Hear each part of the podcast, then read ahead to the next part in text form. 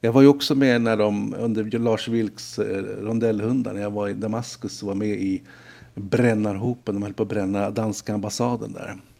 Så jag sprang där i, bland eh, folk. Inte för att jag själv bar några facklor, utan jag, jag ville liksom bara vara med. Jag hörde, jag såg att det brann någonstans i staden, så, så tog jag mig dit och det var full kalabalik där.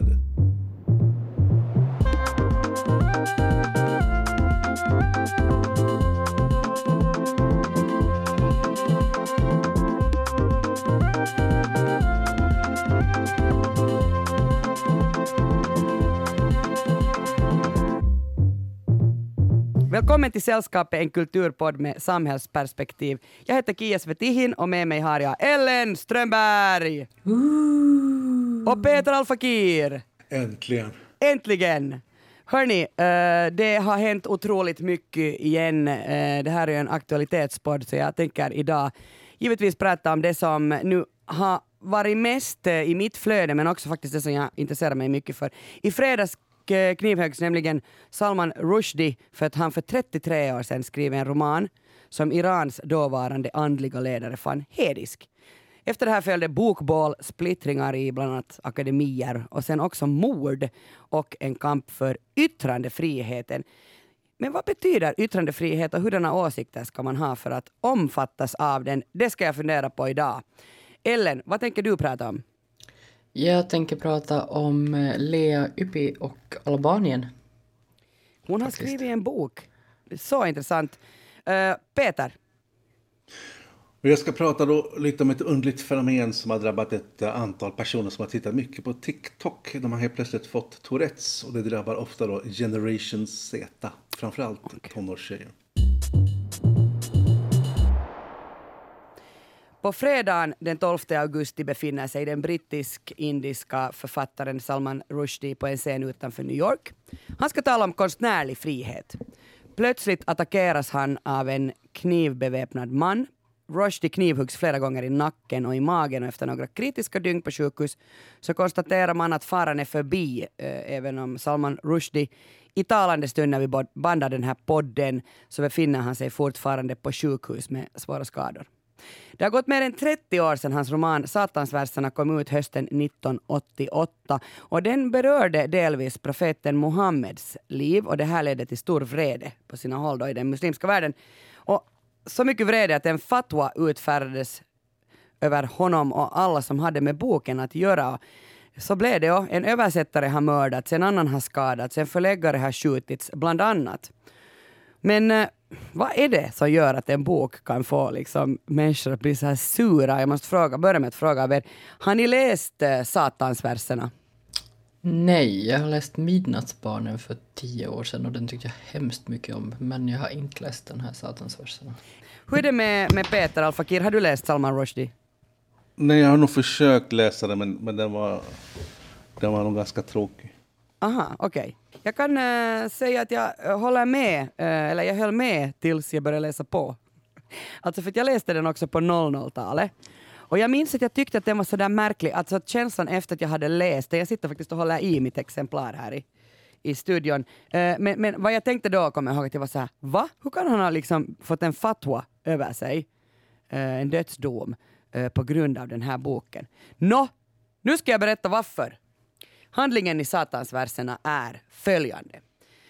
Den börjar helt enkelt med ett stört dyk från 10 000 meters höjd ner i Engelska kanalen. Shikiska terrorister har detonerat en bomb på en flight mellan Bombay och London. Och jag vill påpeka att det här var ju alltså 1988, före 2001 och attacken mot uh, World Trade Center. De enda som överlever kraschen är Gibril och Saladin, två indiska skådespelare som bor i England och när de har kravlat upp på stranden är de som på nytt födda. Gibril är ärkeängeln, Gabriel och Saladin är djävulen. Nåja, men det här, liksom, det här är nu vad, vad den här boken handlar om, men nu måste man ju läsa mellan raderna. Alltså vad, är, vad, är det som, vad är det den här handlar om? Vad är det som har gjort att folk blir så upprörda? No, för att titeln Satansverserna refererar till en sån här gammal teologisk fråga om några verser i Koranen där djävulen har lurat Muhammed att tillbe, att tillbe tre andra gudinnor men att de här verserna är superomstridda och Rushdie han återberättar verserna men kallar profeten för Mahund. istället för Muhammed. Då. Och de prostituerade i staden eh, där han verkar så får både namn och karaktär efter profeten Muhammeds hustru. Och det värsta säger man, jag har alltså lyssnat på en otroligt bra podcast som heter Fatwa. Det är en BBC-podd. Eh, men alltså där säger man att, att även om huvudpersonen heter Mahund så påminner han väldigt mycket om profeten Muhammed. Liksom, förutom att han då i boken är en bedragare. Som istället för att sprida allas ord så motar han uppenbarelser som passar hans egna behov. Det är det här som, som man då har kunnat tolka som väldigt eh, alltså fel. Så här kan man inte göra.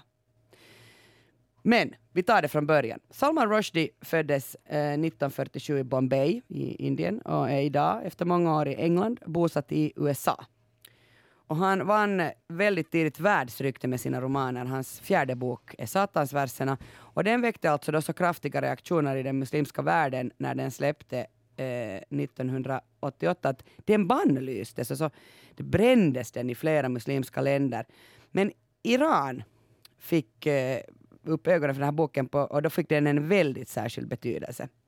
Det var så att eh, tio år efter att eh, Irans högsta andliga ledare ayatollah Khomeini kom till makten genom revolutionen så hade liksom ingenting blivit så som han hade utlovat. Kontroverserna rasade för fullt. Så den här boken, Satansverserna, kom nästan som på beställning. Eh, nu skulle han kunna, eller man skulle kunna fördöma då författaren och bannlysa själva boken. Och det här gjorde också Khomeini. Uh, den här vägen så visar man liksom att titta, det är det iranska folket som försvarar världens muslimer. Och Khomeini skapade en ledarroll för den muslimska världen åt sig själv. Mm. Att I The New Yorker så läste jag en intressant kolumn av journalisten Robin Wright som skriver att ayatollan Khomeini aldrig läste Rushdies bok Satansverserna. Det har hans eh, son berättat för henne när hon jobbade i Teheran i början av 90-talet. Att den här fatwan var bara ett politiskt drag för att utnyttja att det fanns ett sånt här bubblande raseri i Pakistan, Indien, men ja, alltså hösten 1998, tio år efter att man hade satt den här fatwan, så meddelade nog Iran att man inte längre hade för avsikt att verkställa den. Och då, några år efter det, så flyttade Salman Rushdie sen till New York, där han fortfarande är bosatt. Och efter att de sa så här, så, han, så började han också så här leva mera, alltså lite mera fritt. Och han har själv sagt, jag har liksom tittat på jättemycket eh, videoklipp och nyhetsklipp med honom, att det viktigaste man kan göra när man har en sån här dödsdom på sig på grund av yttrandefrihets... Liksom någon vill, någon vill inskränka ens yttrandefrihet. Så det är ju att tala, att inte gömma sig. Men att, men att det har ju en risk, och den här risken har vi ju nu sett. Den här fatwan som ayatollah Khomeini utfärdade har en verkan som är evig. Alltså man kan inte lyfta en fatwa. Mm -hmm. Så han, den här giftiga pilen som Khomeini skickade iväg för 33 år sedan, den träffade nu, den 12 augusti eh, 2022. Men, men det går ju inte, det går inte att lyfta fatwan just i det här fallet eftersom uh, han är död och han, han var ju ofelbar på ett sånt sätt. Ja, men hur vanligt är det med sådana här fatwar? Alltså liksom... Hjälp, Peter. Är det vanligt att man delar ut fatwa till höger och vänster? Ja, ja, jag delar ut fatwor varje dag till mina fiender.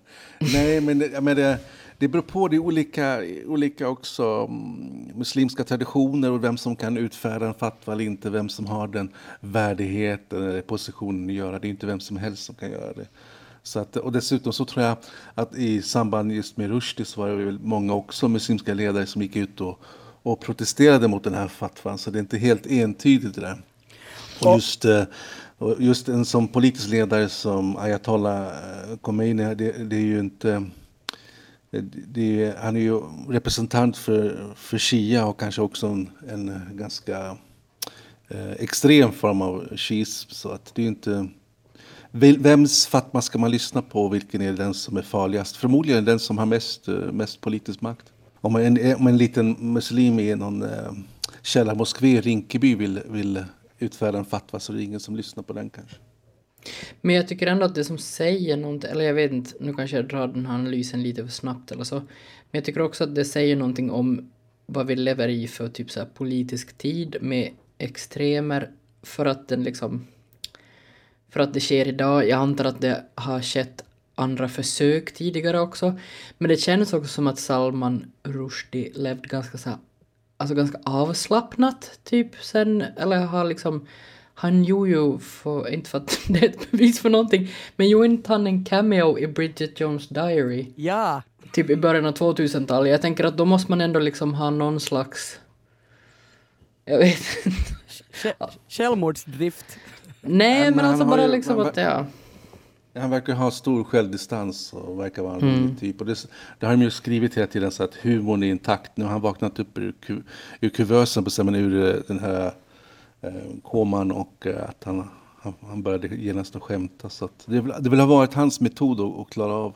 Alltså, att jag, tror inte det har varit, mm. jag tror inte det har varit lätt att leva med, med det här hotet. Om vi går tillbaka till då, liksom eh, 80-90 90-talet, eller 88 så skrev, skrevs boken, men liksom om vi går tillbaka till, till de här, den här tiden så eh, bland annat säger Torsten Fagerholm i HBL, han är ledarskribent där, att vi ska komma ihåg att det inte bara var ayatollan som fördömde den här boken, utan också påven i Rom, ärkebiskopen av Canterbury och Israels överrabbin. Uh, att liksom, det var inte en, en isolerad händelse bara till eh, ayatollan. Men den här fatwa-krisen blev sen ändå liksom ett emblem för den globala konflikt som vidtog eh, efter det kalla kriget. Alltså, eller, ja, kanske man skulle kunna säga hela den postmoderna världens så här kaotiska myller konflikter. För samma år som motsättningen mellan västvärlden och de här iranska mullorna konkretiserades just i den här dödsdomen mot Salman Rushdie, så föll också Berlinmuren. Alltså, man måste ju se på vad händer liksom runt omkring, vad är kontexten? Och eh, kontroverserna kring satansverserna blev liksom en sån här slags prototyp för det här polariserade världsläget som kulminerade med terrorattackerna den 11 september 2001 som sen fick sin följd i kriget i Irak och Afghanistan. Och perioden eh, har liksom därefter också präglats av en rad konflikter kring yttrandefrihet. Liksom. Där man sätter så här, den sekulariserade västvärlden så ställer man mot en strikt tolkning av islam. Också ibland mot muslimer som folkgrupp. Man säger liksom att, att islamofobin eh, är vår dags tongivande rasism. Det är det vår rasism handlar om. Mm. Att, att karikatyrtecknare på Jyllandsposten har attackerats i hemmet. Eh, den här nederländska filmskaparen, kommer ni ihåg Theo van Gogh? Han höggs ihjäl på öppen gata. Ehm, redaktionen för uh, satirtidningen Charlie Hebdo, så den, in, den närmaste utplånades. Och den här franska läraren Samuel Paty blev halshuggen för något år sedan. Och för att inte förstås glömma konstnären Lars Vilks rondellhundar som har väckt liksom massiva protester världen över. Vilks var ju också tvungen att leva en personskydd så här typ dygnet, dygnet runt tills han tills hans den här tragiska äh, dödsbilolyckan äh, för snart ett år sedan. Men allt det här, det börjar med Salman Rushdie. Alltså gemensamt här är kanske då eventuellt yttrandefrihetsorubblighet, men sen finns det de stora skillnaderna i liksom hur man uttrycker sig. Alltså, Rushdie skriver om tvivel, att det är liksom inte ett blint hat mot islam. Det är inte som att när du tar i satansverserna, så det är inte en handbok om hur man ska heda Koranen. Det han skriver på, bygger på liksom kunskap och egen erfarenhet, att han skulle jag nu inte säga att det är ute efter att håna. Men jag minns ju själv eh, hur min egen familj reagerade på den här boken. Att de också var upprörda. För att, inte för att de själva någonsin har läst en bok eller ännu mindre just den här satansversen. De skulle aldrig ens ta i den.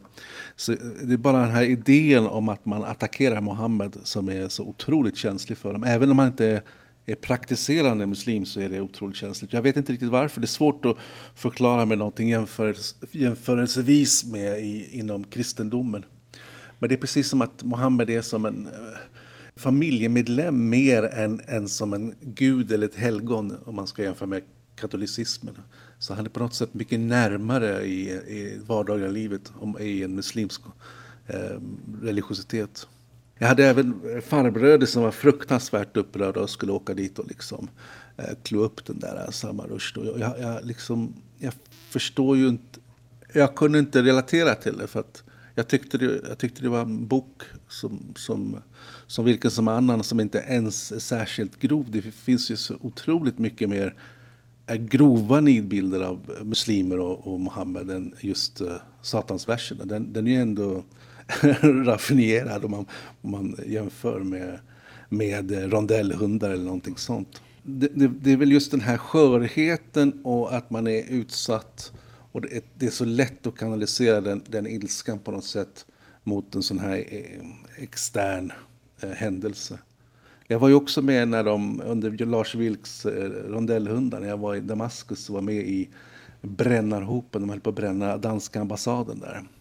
Så jag sprang där i, bland folk. Inte för att jag själv bar några facklor, utan jag, jag ville liksom bara vara med. Jag, hörde, jag såg att det brann någonstans i staden, så, så tog jag mig dit och det var full kalabalik där. Svenska ambassaden låg i samma, samma byggnad också. Och den, den upprördheten och den ilskan som var där var ju... Eh, det var ju svår att beskriva. Men, men, men det att du har då satansverserna hemma i din bokhylla uh, och det där så att jag skulle vara nöjd så kan vi fast ljuga att du har läst den. Skulle dina uh, släktingar bli så störda på dig? Skulle de, eller skulle de vilja sitta ner och prata? Alltså, jag menar, de har ändå en sån här, ett öppet sinne att, att du, man kan få tänka och tycka om man vill. Jo, men jag tror att idag så är det också passé. Eh, jag tror att en, en, de flesta idag inte har någon uppfattning alls om satansversen. De som är äldre kanske har det. Mm. Men det finns så mycket annat nu som är på tapeten som är viktigare. Det där, eh, okej. Okay. Yttrandefrihet, eh, vad handlar det egentligen om? Sa man Rushdies egen tolkning är att antingen har man det eller sen har man inte, men man kan liksom inte bara ha en del av det. Man kan inte ha 50 mm. procent, mm. det är inte yttrandefrihet. Men historiskt eh, betyder det alltså att man har rätten av att fritt kunna säga sin åsikt eh, har setts som ett värde i relation till den makt och, och våldsmonopol som kyrkan eller staten har haft. Och efter det här knivdådet av uh, Rushdie så har ju nu då flera världsledare, kulturarbetare, människorättskämpar enats om behovet av att försvara yttrandefriheten. Man ser ju Je suis, ni vet. Je suis Charlie Hebdo, je suis Rushdie, je suis en det ena, en det andra. Men vad betyder det när man liksom som västerländsk mediaperson, som jag då jesuiar hitåt och ditåt, alltså jag uttrycker ju mina sympatier för, låt oss säga då någon som Rushdie, så jag vet inte, men blir det här inte liksom en sån här självtillräcklig och nyanslös appropriering på just sådana här händelser? Jag vet inte, jag tycker bara att det är bra att på något sätt att ordet yttrandefrihet tas tillbaka från, för det känns som att de som har liksom jommat om yttrandefrihet den här senaste tiden, så har varit typ extremhögern. Eh, och det är liksom deras sådär, jag vet inte, S i rocker men att alltid vara såhär yttrandefrihet, jag får säga vad jag vill, luften är fri, hahaha, typ. Eller typ att de liksom alltid pratar om att det skulle vara någon slags angrepp mot yttrandefriheten när de blir emotsagda. Det känns som att jag säger väldigt mycket saker som kan tolkas fel ur sitt sammanhang här nu. Och jag är verkligen inte glad att det hände det här, eller på det sättet. Men jag tänker att det är ett ganska så här tydligt att Salman Rushdie blir knivhuggen för en, eh, för en bok han skrev för 30. snart 40 år ja. sedan. Det är en ganska tydlig och effektiv bild på vad yttrandefrihet handlar om. Det handlar alltså inte om att bli överröstad i ett nätforum om du sitter och säger att du vill att invandrare ska dö. Alltså jag, jag tycker att det är ganska skönt att liksom den här diskussionen om yttrandefrihet på något sätt har liksom förflyttats till där den ska vara. Eller för, förstår ni alls vad jag menar? Mm, ja. För jag är inte säker på att jag själv förstår. Ka kanske, men jag tänker så här att, frågan om yttrandefrihet handlar alltid om att känna ansvar liksom, för att stå emot de makter i en samtid så, som ifrågasätter att människor lever sina liv så som de själva önskar. Alltså det handlar att, om att, att man ska förstå att demokratin aldrig är färdig utan hela tiden måste rota sig i hur vi människor förstår våra relationer till varandra. Det vill säga, jobbar man inom media eller är man författare, så som vi tre är, alltså vi är inte båda, men alltså, jag och Peter är med, journalister, du Ellen är en författare, då gäller det ju att vara sanningen trogen och inte gå någons intressen, och inte heller sina egna. Nej. Att rätten att få uttrycka sig utan att vara rädd för våld är inte värt mycket i den stund som man hugger ner en författare. Så frågan är, vad mm. betyder det att vara Je suis Rushdie? Alltså kanske att arbeta med sina egna känslor när de svallar över och sen ta diskussioner också om de känns uh, lönlösa. Att vill man försvara mm. yttrandefriheten så ska man vara redo att försvara allas rätt till yttrandefrihet. Inte bara yttrandefrihet för de som har samma åsikt som man själv eller en åsikt som man kan acceptera. Att man ska kunna försvara då också yttrandefrihet för de som har åsikter som man tycker att är motbjudande, felaktiga eller chockerande. Och, och det, nu tänker jag, eh, liksom, jag vet inte om jag tar kopi nu på det här som du sa, eller, men liksom att håna Koranen och det hat som det kan framkalla har vi ju alltså sett helt nyligen i eh, Peter Al-Fakirs hemland Sverige. Nu tänker jag förstås på Rasmus Paludans baconlindade koranbränningar som ju har lett till upplopp på flera håll. Och jag läste, den här veckan kom det ju fyra, eh, som nyhet att fyra miljoner euro har polisens arbete hittills dock kostat kring den här danska högerradikala politikerns valmöten. Och liksom i samma veva som uh, Rushdie knivhöggs så gick ju förstås må många författare ut och fördömde den här knivhuggningen. Bland annat Harry Potters författaren J.K. Rowling. Hon, hon fördömde attacken på Twitter. Då blev hon själv dödshotad. Och det är ju lite knepigt. Ja, alltså man kan ju inte förminska, eh, alltså det är lätt att förminska det här hotet på, på Twitter givetvis med, i jämförelse med en ayatollans hot eller fatwa. Men det finns ju likheter och då tänker jag så här att, att frågan är att vi går, går vi liksom med på att hon får skit på grund av att hon är transfob, eh, men inte att man får skit på grund av att religiösa känslor kränks. Men alltså det är ju skillnad på att få skit och att få dödshot, tänker jag. Ja, men på vilket sätt är liksom ett dödshot på Twitter, ja, men nu är det ändå ett dödshot. Ja. Alltså jag tänker så här, när blir man representant för yttrandefrihet? När liksom anses man vara tillräckligt viktig? Ja, ja, du behöver inte svara på det. Du behöver inte svara på det. Men så jag tänker så att, att om, om vi, vi tycker ju jättemycket om att se världen. Nu är det intressant när vi har med oss en muslim med så här, det intoleranta islam och det sekulära väst. Men vi ska inte glömma heller vilka krafter som styr och ställer hos oss. Vi har ju själv skapat en sån här fruktansvärd folkdomstol som bor på internet och heter cancel, cancel culture. Och i grundreaktionerna så finns det ju samma den här kränktheten som vissa personer upplevde med Rushdies satansverserna. Eh, jag tolkar till exempel att eh, Rushdies syfte inte var att kritisera islam, men att tänka kritiskt kring fundamentalism. Så Paludan har rätt att yttra sig, men han yttrar sig så att han väljer att kränka människors tro för att komma åt något eh, liksom i religiöst fundamentalistiskt maktutövande som han anser vara problematiskt. Att det är liksom olika slags handlingar de sysslar med, men båda handlar om yttrande. Alltså så här va, det finns ju inga krav om verkshöjd för att omfattas av grundlagen. Uh, yttrandefrihet är en, en grundbult i ett demokratiskt samhälle och att censurera då, eller cancellera sånt som man inte tycker om betyder väl att inte grunden då har tillit till demokratiska värderingar. Och har man inte så spelar yttrandefriheten heller ingen roll. Att liksom Paludans hotande och hatande är ju inte fysiskt utan det är ideologiskt. När han in, lindar in Koranen i bacon, bränner upp den och skriker och spottar på folk, då använder han ju demokratin och sin rätt till yttrandefrihet för att driva framåt sin linje att muslimer inte hör hemma här. Och jag tycker att det kan man ju säga, det diskvalificerar honom som frihetskämpe. Inte kämpar han ju för någon. Han tillåter Nej, inte muslimer att verka och uttrycka sig då i Danmark eller Sverige, i det Danmark och Sverige han vill se. Utan han kämpar, liksom, han kämpar inte för deras rätt till något, utan hans enda intresse är att hålla dem borta.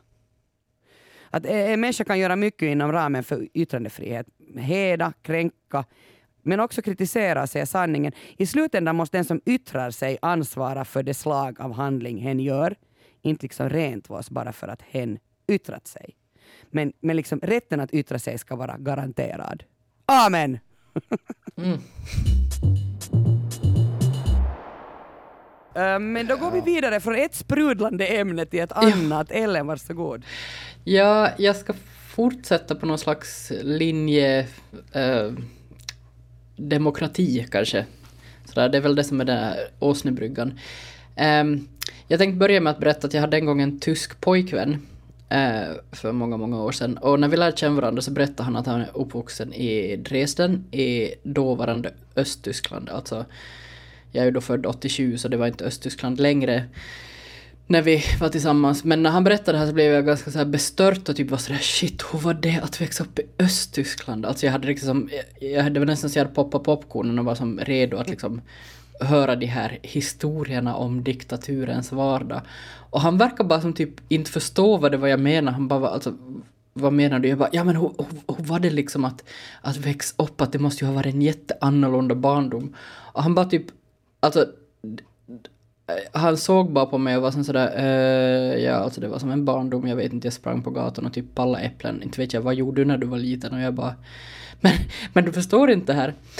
Uh, ja, ja, enough about him, för han är nog inte verkligen värd något sällskapet tid annars, men uh, jag hade mm, det, det var ändå ett slags, både ett antiklimax men också en aha-upplevelse Eh, just när han var så där, jag förstår inte vad du menar, det var bara en barndom, eh, att inse hur mycket av liksom min mycket vaga och på verkligen ingenting baserad bild om hur det är att växa upp i en annan samhällsstruktur än den jag har växt upp i, liksom på andra sidan på något sätt. Att den var kanske något överdramatiserad. Eh, och som sagt, min pojkvän är nog inte någon, eller min ex-pojkvän, herregud. Eh, mitt ex är nog verkligen inte någon så här speciellt pålitlig källa till någonting alls, men en som jag tänker att man kanske kan faktiskt källhänvisa till med gott samvete, så det är Lea Yppi. Hon är alltså professor i politisk teori och filosofi och numera även författare. För hon har just gett ut boken, eller just i oktober förra året så kom hennes eh, bok eh, Free, A Child at, and a Country at the End of History ut. Och nu i augusti så kommer den ut på svenska, eller den har väl just kommit ut på svenska. Men äh, Lea Ypido, så hon är uppväxt i Albanien. Jag visste ingenting om Albanien när jag började läsa den här boken, annat än att det är ett land, de har en ganska cool flagga med så svart örn på. Uh, ja, det var ungefär min bild av Albanien. Och uh, de var alltså en, en, en, sträng kommunistisk diktatur, eller excuse me, socialistisk folkrepublik som det heter. uh, under en människa som heter Enver Hoxha, eller som hette Enver Hoxha, eh, fram till 91. Och det var faktiskt den sista diktaturen i, i det så kallade östblocket att falla. Eh, men det som är ganska spännande med Albanien var att eh, de var ju också i praktiken egentligen liksom isolerade också från Sovjet och Kina, i alla fall från typ början av 80-talet framåt. Att de var ganska sådär, ja men alltså isolerade från de flesta, även de, sina kommunistiska kamrater liksom. Eh, och Lea Ypi då, så hon, hon föddes 79 och växte upp i, i Durres som är en kuststad ganska nära Tirana. Eh, och eh, den här boken Fri då, alltså den berättar om en barndom, en ganska vardaglig barndom. Eh, hon berättar om hur hon gick till skolan och trivdes där och hon liksom, hon var så här alltså hade en ganska så här lycklig barn, eller inte varken en olyckligare eller lyckligare barndom än någon annan. Och att hon, hon trivdes i skolan och hon var ganska bra i skolan och hon reciterade gärna det här partiets sånger och slagord och allt det här som de fick lära sig. Och det hon inte riktigt förstod var varför hennes familj hemma inte alltid liksom så här föll in i de här sångerna eller liksom eller ganska så här motvilligt prata om allting hon hade lärt sig i skolan. Eh, eller, eller till exempel så fick hon lära sig om en, en, en politisk förrädare som heter Jaffer Ipi, eller Upi, eh, som hade alltså samma efternamn som henne. Eh, och om honom fick de lära sig i skolan och, och, när Lea frågade om det här där hemma, att varför har vi samma efternamn, så blev det väldigt sådär eh, föräldrarna bara var såhär, nej nej men skit i det, att det är bara en tillfällighet, att det är ingenting du ska bry dig om. Och eh, hon förstod inte heller varför de här vuxna såg som så såg så ledsna och bekymrade ut när de pratade om, om vänner och släktingar som hade skickats iväg för att eh, studera, som det hette då, till olika universitet. Men de kom aldrig tillbaka från de universiteten och de verkar aldrig få någon eh, masters eller någonting utan att det var det lät som att det var ganska som jobbigt. Och det här är alltså, det här var förstås kodord för arbetsläger och, och så.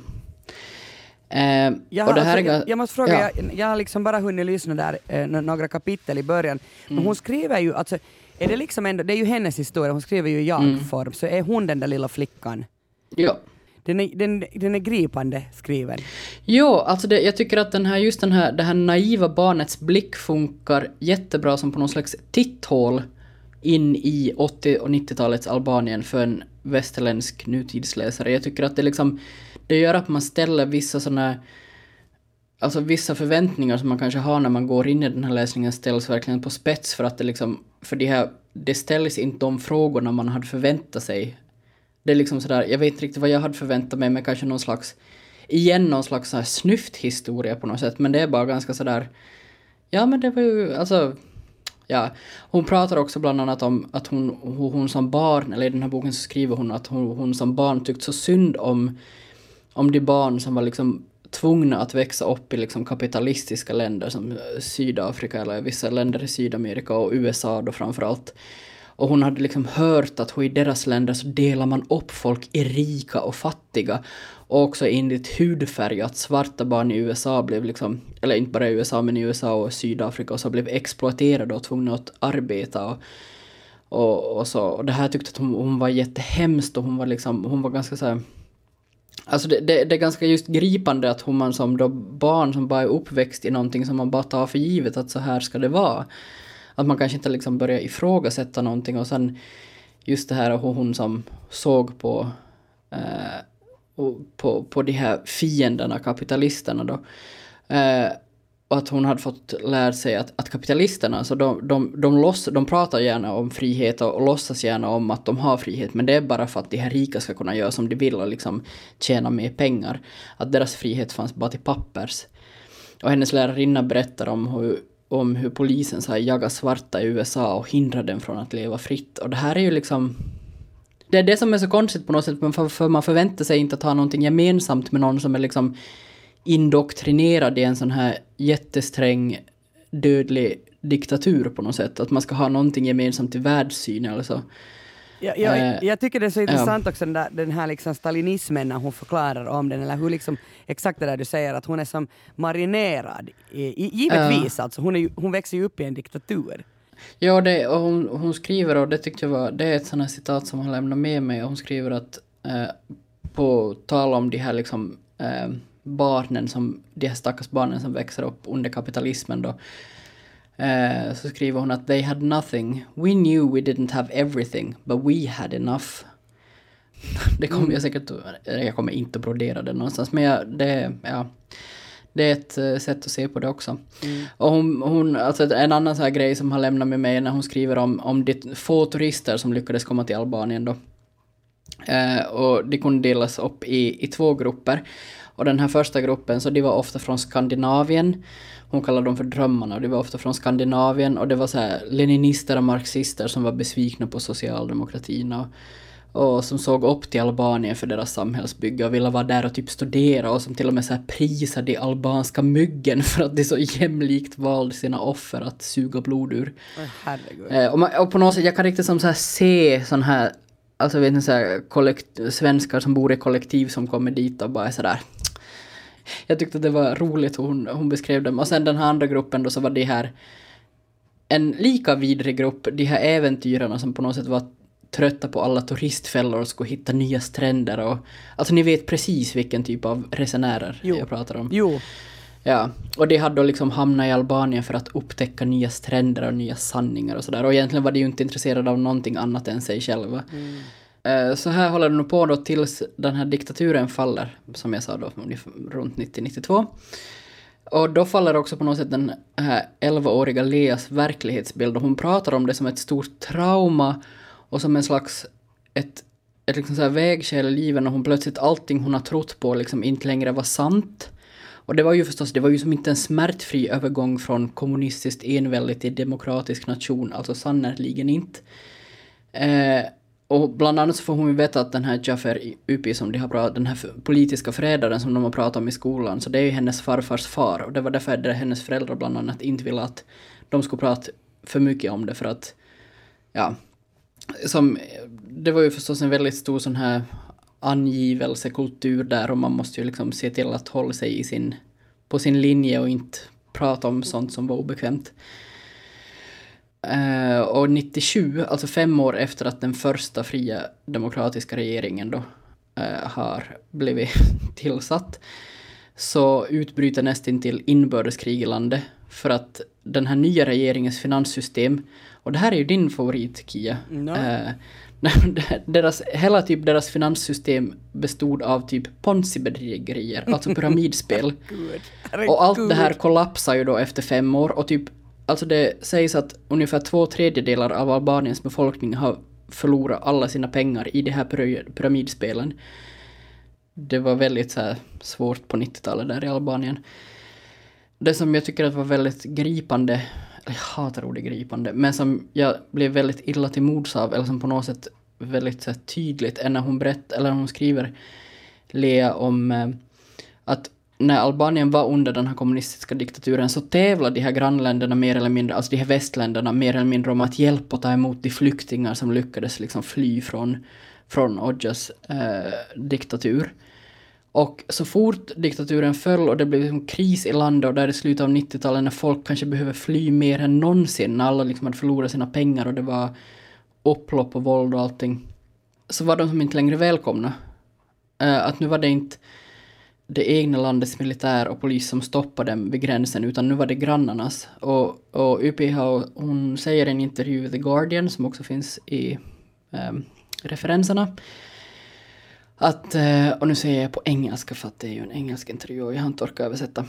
Uh, it's one of these things where where we think the West is a free society, but if you stop people from coming in, it's exactly the same. Whether you're dead because your your state shoots you, or you're dead because another state shoots you, it doesn't matter. You're still dead. Mm. Alltså det spelar ingen roll vem som skjuter ihjäl dig vid gränsen, om det är ditt eget land eller det land du försöker fly till, men du är, for, du är ändå död. Det här lämnar jag också att tänka på jättemycket. Att liksom... Alltså jag börjar ju osökt tänka på eh, att vi stänger ju nu stänger Finland ju gränsen Ja. mot Ryssland. Alltså eh, Ja. det, det ekar. Ja, det ekar till idag. Men kanske det är just idag man ska läsa, alltså den här boken Mm. kommer ju, uh, speciellt för, för, för, jag tänker så här, för oss, att vi ska, vi ska läsa den här nu, eftersom vi Ja. bor uh, uh, granne med Ryssland, när Sverige får nu bo nästan granne med Ryssland, så Peter kan också läsa den. Men så jag tänker att, att det handlar ju egentligen om, i förlängningen, om, om det som sker idag. Ja, och hela den här, alltså den här Lea Ypi är ju filosof i grunden. Och det märks också i hennes, för att den här boken, alltså den har så många olika intressa, intressanta aspekter, men den frågan som hela tiden ställs mellan raderna är vad är frihet? Hur definierar vi frihet? För liksom, hur kan man känna sig som barn mera fri i en jättelåst och våldsam diktatur än i ett land som ska vara demokratiskt fri?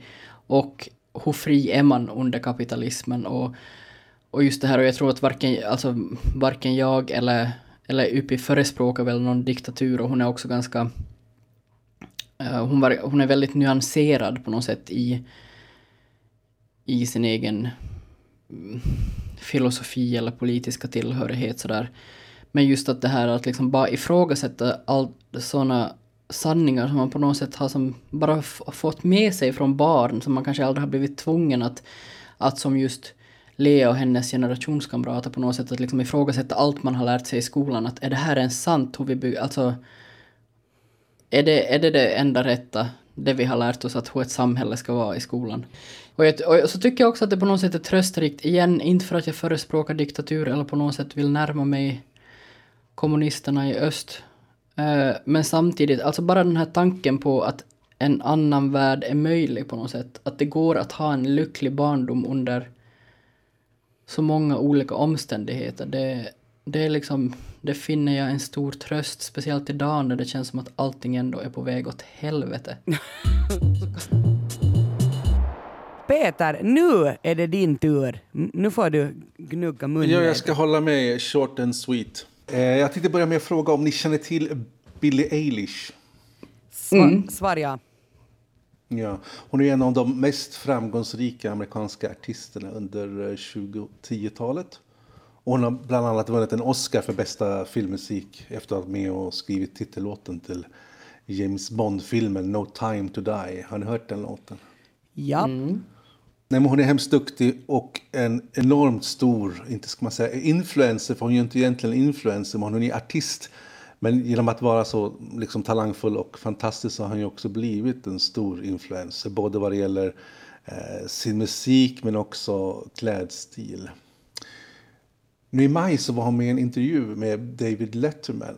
Och det var som en vanlig kändisintervju men, men så i något skede så frågade han eh, hur hon mår för hon höll på med någonting, med, gjorde grimaser med ansiktet. Uh, och då berättade hon att nej, nej, det, det är bara mina tics. Eh, och då, det var liksom första gången eh, som hon eh, då offentligt pratade om det. Det har ju spridits massa videor på henne tidigare där hon gör ofrivilliga rörelser och grimaser. Men det här var då första gången som hon valde att tala öppet om det. Och I hennes fall så handlar det lite grann om att man, det rycker i ögonbrynen eller att hon måste klicka med käkarna eller vifta på öronen. Just det där med vifta på öronen gör hon tydligen precis hela dagen. Och de flesta eh, skulle knappt lägga märke till det, men för henne då är det utmattande. Jo, men, men i intervjun så berättar hon ju också att, att hon har liksom numera har hon blivit vän med sina tics. Jag vet inte hur man, hur man gör det, men det vill handla om en form av acceptans. Uh, och att, att ju mer hon har pratat, eller när hon nu har vågat gå ut mer om det, så har också en massa människor hört av sig till henne. Och flera andra kändisar har, har berättat att de faktiskt också har tics. Och då har de tänkt sådär att, va, har du också tics? tics? Det hade jag aldrig kunnat liksom föreställa mig. Eh, om, om jag då bara kort ska berätta vad Tourettes och tics är, så är det då att eh, om man ser det som en, en, en eh, eh oftast då så får man sina första symptom man är mellan 4 och 6 år och det rör sig om ögonblinkningar, ryckningar av armar och axlar, harklingar, eh, till och med visslingar eller ansiktsrörelser. Och de här kallas då för enkla tics. Och ticsen kan då under perioder öka eller minska. Och det är vanligt att man när man känner stress eller ångest eller man är trött då, så kan man få mer, mer tics. Eh, en del barn kan också ha, känna på sig att nu är, nu är ticsen på väg att komma. Eh, och det finns också svårare tics, och då där man slår sin kropp eller härmar någon annans beteende. Eller gör ofrivilliga rörelser som är sexuella eller opassande. Eh, och där har också de här mer komplexa ticsen, som när man säger fula ord eller man, man skriker till um, könsord och sånt.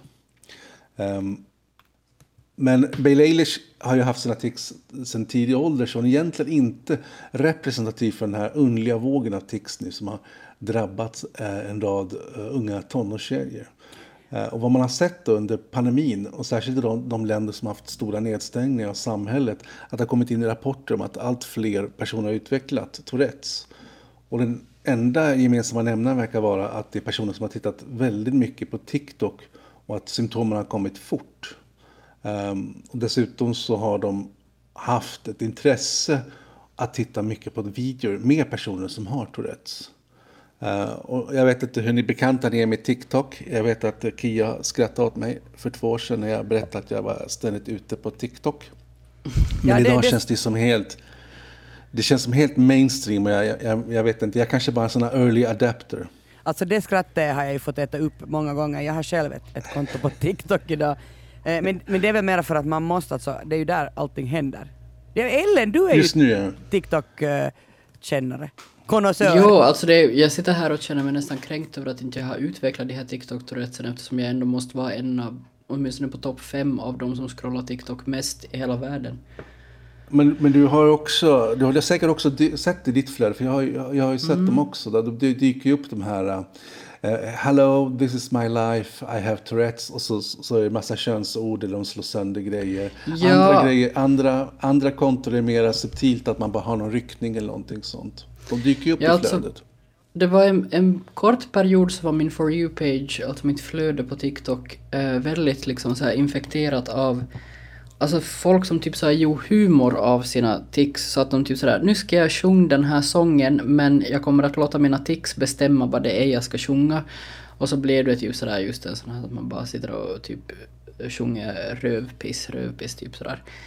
Eh, eller typ folk som var sådär nu ska jag göra en omelett med mina tics och så någon som står och typ så hackar grönsaker och så slänger grönsakerna mitt i allt ifrån sig eller ropa någonting när de knäcker ett ägg eller så. Det var, det var liksom... Det har försvunnit nu, men det var en... Det, var, det kändes det var som att det var trendigt ja. en period, ja. ja men är det här en, en trend? Alltså? Ja, precis. Det var ju någonting som dök upp under pandemin, eller under de här nedstängningarna. Eh, och, och sen blev väldigt populärt. Bara den här hashtaggen Tourettes har över 5 miljarder visningar, så det är liksom ingenting marginellt. Eh, men då är det intressanta då vad, vad, vad det här gör, en sån här trend med, eh, eh, med en, en, vad ska man säga, funktionsnedsättning, om man nu ska kalla Tourette för det, men det kanske det tillhör. och, och precis som, som Ellen sa så var det ju väldigt många har ju en slags extrem variant av Tourettes. Att man, eller extrem, att man har en svårare, mer komplexa eh, tics där man skriker könsord och så vidare. Eller man kastar saker så där, ofrivilligt. Så ser det ju inte alltid ut. Eh, men vad man har märkt då är att, att, eh, att eh, en massa människor då som har tagit, sökt hjälp för att de helt plötsligt har fått Tourettes. Att man till exempel upprepar ett ord, eller så här bara, woo, woo, woo, eller att man har, man har ryckningar. Och forskarna har försökt förklara fenomenet, varför de har plötsligt fått tics. Och det finns lite olika teorier. Eh, och en sak man har sett är att, att den här senaste vågen då är ofta är tjejer i åldrarna eh, 12 till 25 år. Eh, och besvären rör sig oftast om funktionella tics. Och vad man tror är att orsaken hör mer till psykologiska faktorer än anatomiska.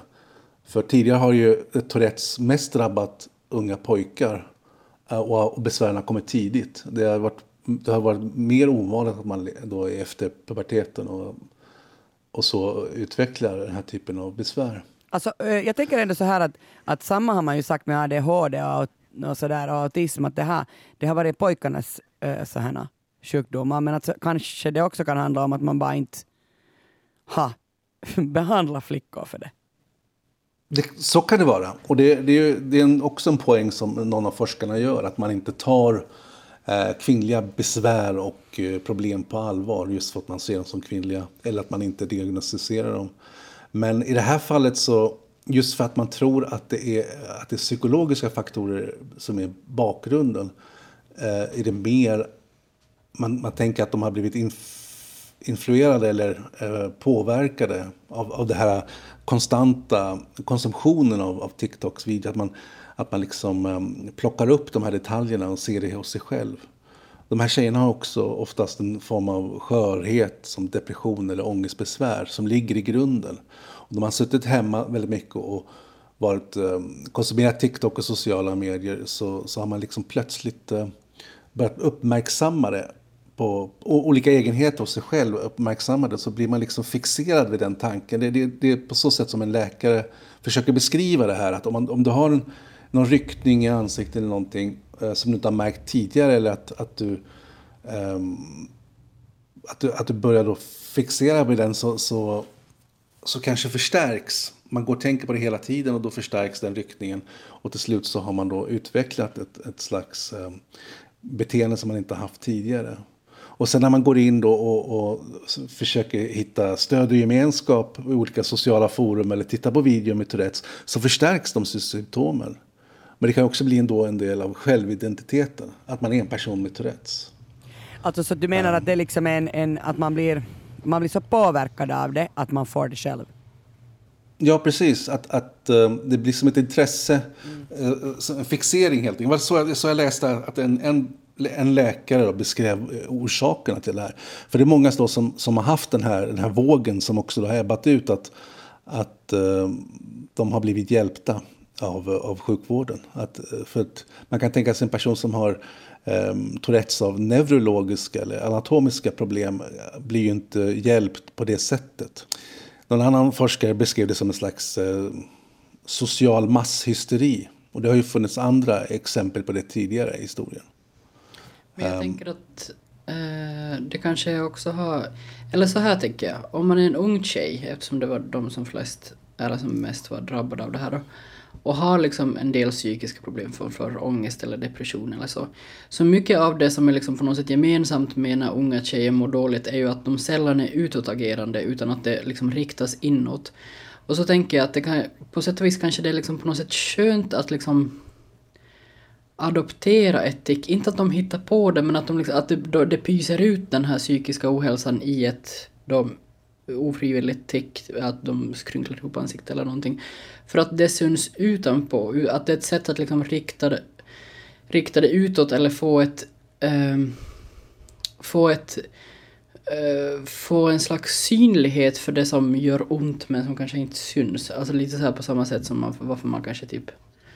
Ja, som, är, ja, men som en jo, slags så, ventil. Så, jo, men så kan det absolut uh, vara och speciellt också om man sen då själv eh, inte bara konsumerar utan börjar skapa egna videor med tics och man beskriver om sitt eget liv så får man ju uppmärksamhet. Och mm. går man omkring och, och säger snuskiga ord hela tiden så blir ju ens egen dåliga mående det blir ju någonting som väldigt snabbt blir ett problem för hela familjen.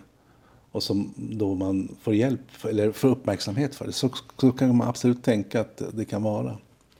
Eller att det bara är så här, jag tänker att man, jag tycker själv det skulle vara skönt att ha ett, någon slags här, alltså inte att jag vill misstro hela, alla de här nu, men jag tänker också att det skulle också vara ganska skönt att ha på något sätt ett, så här, ett kryphål i folkvette, eller förstår ni Bara så, ja men jag kan inte göra någonting, det här är mina tics, tyvärr så måste jag slå dig i ansiktet varenda gång jag ser dig.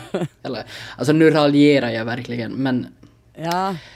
Gud vad jag kommer till vara cancelled efter det här avsnittet. Alltså, men om man tänker att, om, att det här är en form av masshysteri då, sociala medier. Uh, om man jämför med den här svimningstrenden, om ni kom, känner till det, att, att det var fashionabelt att svimma på 1800-talet. Mm. Mm. Eller att kvinnor ofta Jag trodde att du menade den här svimningstrenden att man ska typ så sitta på huk och andas och sen springa allt vad man orkar så att man svimmar typ på jumpan på femman. Men det var, det var inte den svimningstrenden du pratade om. Nej, det du är för modern med din TikTok. Det finns en annan svimningstrend där man håller på och stryper varandra tills folk svimmar. Ja. Nu, nu ska vi inte ge några mm. idéer här till våra lyssnare. Nej, men, men eh, det fanns ju en trend eh, att, att det, var lite, det såg som lite fint att man som kvinna eh, svimmade på 1800-talet. Eh, och då har man ju gett andra orsaker än just att det ska vara masshysteri. Utan att, att de hade, eh, att, var, att tapeterna var fulla med arsenik på den tiden. Att de hade korsetter som ströp syret eller att de led av ständig järnbrist. Eh, men, men även den sociala skulle jag tro hade en viss påverkan. Det finns ju också en annan sån här diagnos som var väldigt specifik för Sverige. Som man kan tänka sig också ha sociala faktorer. De här apatiska barnen om ni minns det. Ja. Mm. Uh, att det, det, var i familjer som hotades av uh, utvisning då så var det ett antal barn som utvecklade uh, total apati. Och det, det är ju någonting som fortfarande diskuteras. Hur, hur verklig var den? Hur, hur, hur mycket påverkan var det från familjen att barnen skulle vara sjuka? Ja. Och det är jättespännande också. Se just det här trycket då på dem jag tänker att, att det här eh, är ju någonting eh, vi förmodligen kommer få se mer av. Att olika typer av, av sjukdomstillstånd, om de nu är verkliga eller påhittade, så, så kommer de ju drabba unga människor. Ja, jo men så är det väl. Men jag tror då när du sa att du skulle prata om tics på TikTok så trodde jag att du menade det här, för jag ser det som en trend jag tänkte att det har börjat liksom räknas som någon slags diagnos. Sen när man går på stan och så ser man typ så tweens i en skara och så står de och typ kollar på nagellack eller så. Och så, så till exempel om det är musik i högtalare i en affär, så står det liksom, de står och pratar helt normalt, men så ser man att de står liksom så här, 11-åringarna står och typ gör så här rörelser till den här låten. Så det är nästan omedvetet med händerna, att de gör, utför en sån här TikTok-dans som man, man känner igen de här rörelserna från, om man nu har varit på TikTok så mycket som jag har. Eh, men att de liksom, det är som att de bara fortsätter prata helt normalt men bara så utför den här lilla dansen sådär lite, kanske en mindre skala. Där, där de står och pratar. Eh, så jag trodde att det var det som på något sätt hade fått liksom ett namn och att det är som sådär att det på något sätt är liksom sjukligt men det var det alltså inte. Ja, det här är, det här är riktiga tics som ja. Peter pratar om. Ja. Jo, och de, de, personer som har drabbats av dem upplever ju det som, som att de är sjuka eller att de har, att de har mm. Eh, riktiga problem. Och de, de, de, tas ju också, de tas ju också på allvar av sjukvården när de får behandling för det här. Mm. Och säkert är ju en del av behandlingen att minska, minska sin konsumtion av uh, TikTok-videor. Även om det är lätt att, att, att raljera och tycker att det här är någonting lustigt att, att uh, unga tjejer uh, utvecklar tics efter att ha tittat på TikTok. Så, så tycker jag att man ska se det som ett symptom på någonting mycket bredare och mycket vidare uh, än, än, att bara tänka att det är en, en lustig trend. Um, och att det kanske också finns redan saker som man själv har plockat upp som inte är eh, helt uppenbart i sig själv. Mm. Men hörni, eh, det blev Salman Rushdie, det blev Lea Ypi och Albanien och det blev Tix på TikTok. Mycket vi klarar av i sällskapet den här gången. Jag säger ett stort tack till Peter Alfakir för ditt sällskap Tack så mycket. och Ellen Strömberg, tack för ditt sällskap. Thank you. Vi hörs, ha det bra, hej då! Hej då! Hej då.